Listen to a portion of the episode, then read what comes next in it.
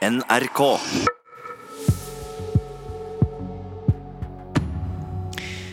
Slektsgranskning kan bli mye enklere. Et nytt register, befolkningsregisteret, skal gi en oversikt over alle avdøde nordmenn gjennom 200 år. Og når dette registeret er ferdig, så vil det være informasjon om 10 millioner nordmenn der.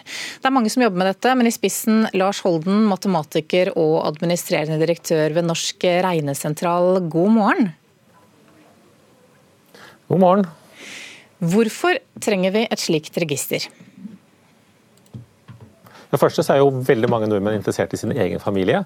Men grunnen til vi får dette finansiert, det er fordi at det er veldig interessant for veldig mange forskjellige forskningsproblemer. Alt fra arvelige sykdommer til eh, sosial mobilitet, geografisk mobilitet til eh, fruktbarhet. Veldig mange forskningsspørsmål kan vi avklare ved hjelp av dette unike datasettet. Ja, hvor langt har dere kommet? Foreløpig har vi på samlet informasjon om ca. 6 millioner kilder. Men uh, vi regner etter hvert med å få rundt 60 millioner kilder. Og for å koble alle disse sammen, så trenger vi mer ressurser og mer tid. Du må forklare uh, hvordan dere går fram her. veldig mye av det, og den nominerende delen, er at vi altså Først må vi transkribere kildene. Og det er, Mange av dem er transkribert, men, men noen av dem uh, må vi jobbe med. og Da er det gjenkjenning og håndskrift. og Grunnen til at Norsk regnesentral er med, er fordi at vi er eksperter på kunstig intelligens og gjenkjenne håndskrift. Så vi kan gjøre det veldig mye mer effektivt enn den tradisjonelle metoden hvor, hvor, man manuelt må gå igjen kilde for kilde. Når vi har kildene, kilder, så kan vi sette dem sammen. Når du snakker om kilder, Hvilke kilder er det du snakker om? Ja. Det er, de viktigste kildene er folketellingene. Eh, og eh, kirkebøkene med eh, dåp, konfirmasjon, ekteskap og begravelser. Men det er også veldig mange andre kilder. Det er jo fengselsprotokoller, det er helseregistre, det er emigrantprotokoller. Så det er veldig, veldig mye forskjellig. For de som ikke helt har startet med slektsgranskning, hvorfor er dette godt nytt? Eh, for de som holder på med slektsforskning, så er dette veldig mye lettere å starte.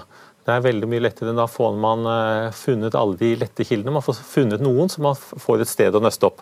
Så bare man kjenner eh, f.eks. noen som levde i, i 1910, så, så, er det helt sikkert med. og Da er det lettere å finne dem, og så kan man nøste opp videre derfra. Da kan man søke digitalt? Så det er rett og slett en mye lavere man kan søke digitalt. Alt sammen finnes på et nettsted som heter histereg.no. Der kan man eh, finne hvor langt vi har kommet, og man kan eh, være med i den store dugnaden vi arrangerer for å komme enda lenger. Er dette noe som er gjort i andre land?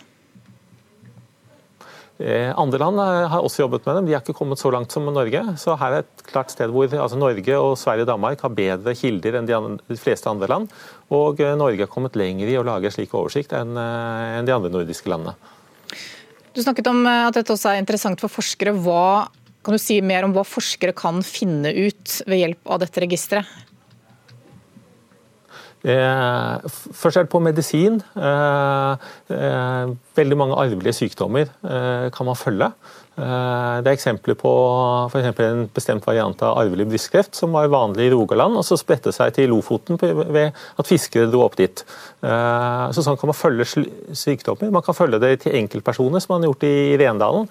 Eh, med, med, psykiatriske sykdommer. Man kan følge enkeltpersoner og se hvordan de arver ned. Så kan man følge sosial og geografisk mobilitet, fruktbarhet, F.eks. de kvinnene som ble født under napoleonskrigen, de hadde dobbelt så stor sannsynlighet for å miste barn de første årene som eh, kvinner som var født tiåret før. Er det sånn at du og jeg allerede nå kan eh, gå inn og søke i dette registeret? Det er fullt mulig. Eh, og For veldig mange familier så vil de bare finne dem i enkeltkildene, bare finne dem i en kirkebok eller bare finne dem i en folketelling, og så må man selv knytte det sammen. Men altså for ca. 1,8 millioner mennesker, så har vi klart å, fylle, eh, å følge personene tilbake med, med finne med mange kilder.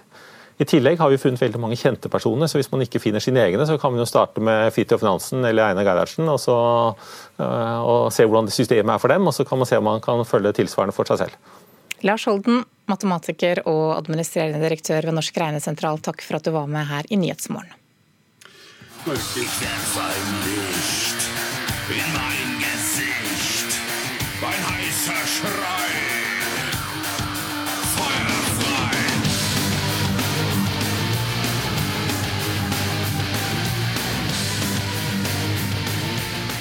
Ja, Denne lyden minner oss kanskje ikke så veldig mye om Norges Fotballforbund, men vi skal snakke om det likevel, for de utelukker ikke at gresset på Ullevål stadion i Oslo nå må byttes ut etter Rammstein-konserten som var nå på søndag.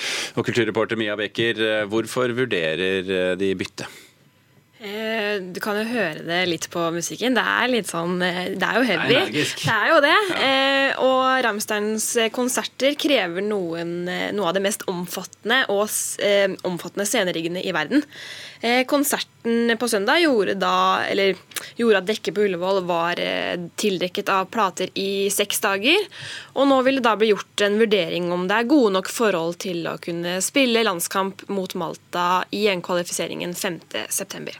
Når får de klarhet i det, da? Eh, det gjøres vurderinger i dag, eh, og det vil bli klart i løpet, av, i løpet av noen få dager hva Fotballforbundet har bestemt seg for. Eh, men dersom det skjer et gressbytte, så har Fotballforbundet en avtale om å få levert nytt gressteppe på ganske kort varsel.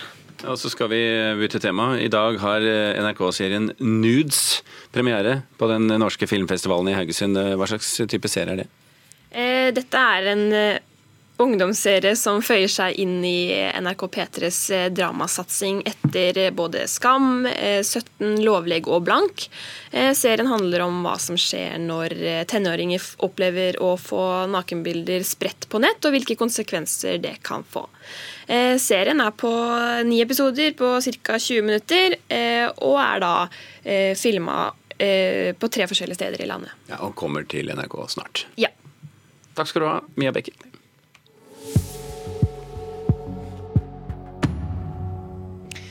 Where I Belong, eller Der jeg hører hjemme, heter utstillingen som nå vises på Statens museum for kunst i København. En utstilling der den mye bejublede kunstnerduoen Elmgren og Dragseth forsøker å kaste nytt lys over en av Danmarks aller fremste historiske kunstnere, nemlig Wilhelm Hammershøi. Mona Palle Bjerke, kunstkritiker her i NRK, god morgen. God morgen. Vi skal komme tilbake til Elmgren og Dragseth om litt, men vi får nesten begynne da med denne eldre kunstneren kunstneren. Hvem er Wilhelm Hammershøi? Han levde og virket rundt århundreskiftet 18 til 1900.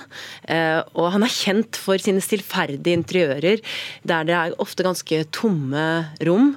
Han beskrives som stillhetens maler, fordi han er en helt fantastisk skilder av nettopp en sånn intens stillhet. Eh, han er ofte opptatt av lyset. Det kan være det klare dagslyset som faller inn av vinduet, eller det mer gylne lampelyset eller stearin lys. Og det er en skjønnhet og en vemod eh, og en ensomhet i disse bildene som fascinerer. Og han er en veldig, veldig berømt og anerkjent eh, kunstner. Ja, For den som kjenner Elmgren og Dragseth, så er jo dette noe ganske annet. Eh, hva slags kobling er det her? Ja, Den er ikke så umiddelbart lett å se. fordi altså, De av våre lyttere som så f.eks. Elmgren og Dragseths store utstilling på Astrup Fearnley-museet i 2014, vil jo huske disse hyperrealistiske voksdukkene som de gjerne plasserer inn i sånne ribbede, eh, større installasjoner eller eh, omgivelser. Så det, og Blant annet da f.eks. en hensatt baby i en babyveske ved en minibank. Det er liksom sånne ting. Så det er ganske annerledes enn den virkeligheten jeg nettopp eh, beskrev. Men det de gjør, da, det er at de tar For det er koblinger der. De tar fatt i konkrete motiver. F.eks. dører, som er veldig mye av i eh, Hammershøis eh, malerier. Men også stearinlys. De har da laget marmorskulptur av stearinlys. Og så er det jo ikke bare Elmgren og Dragseth. De er riktignok til stede i utstillingen med det aller viktigste, den største installasjonen. Men de har altså kuratert en utstilling hvor de gjennom ti samtidskunstnere nærmer seg dette spørsmålet om vårt forhold til hjemmet, vårt forhold til rom, og nettopp Wilhelm Hammershøi som en uh, veldig viktig maler. Hvilke samtidskunstnere er med? Ja, det er f.eks. kunstneren Monica Bonvicini eh, og hennes verk som er veldig kjent, 'Housefrau Swinging' fra 1997. Tysk og engelsk, ikke litt. Som er eh, en kvinne, en naken kvinne som rett og slett har et hus på hodet som hun stanger inn i et hjørne. Som et veldig sånn kraftfullt, men enkelt bilde på hvordan kvinnen da gjennom historien har vært en slags fange i hjemmet og en dekorativ del av interiøret, også med klar referanse til denne ensomme, vakre kvinneskikkelsen som går igjen i Hammershøis uh, malerier. Ellers er det fantastiske Francesca Woodman, som er, har sine vonde svart-hvitt-fotografier uh, i også ribbede interiører. og Hammershøi der er det også dører, sånn som hos Hammershøi, som åpner seg innover. Og Dører er også stikkordet for Elmgren og Dragsets egen hovedinstallasjon. Ja, dette er et eldre verk, og der går vi inn i et rom med hvite dører. og Dette er umulige eh, dører, på en måte dører som ikke kan åpnes, som har håndtak på begge sider, som har en stor sprekk, nesten som en eh, brist i isen, som er inni et hjørne slik at de ikke kan åpnes. Og Der er jo døren fratatt sin funksjon, og viser oss liksom dette litt ubehagelige når hverdagsobjekter plutselig fungerer på en helt annen måte enn vi er vant til. da. Du høres entusiastisk ut. Er det, en, er det en god utstilling? Dette er en perle av en utstilling. Den er så tankevekkende, så vakker og så interessant. Og den rommer liksom så mange tanker om vårt forhold til rom, samtidig som den kaster nytt blikk på denne giganten i nordisk eh, kunsthistorie, Wilhelm Hammershøy. Hammershøi. Så dette er en utstilling jeg virkelig anbefaler. Den eh, er altså tilgjengelig for alle på Statens museum for kunst i København frem til 1.9. Takk skal du ha, kunstkritiker Mona Pale Bjerke.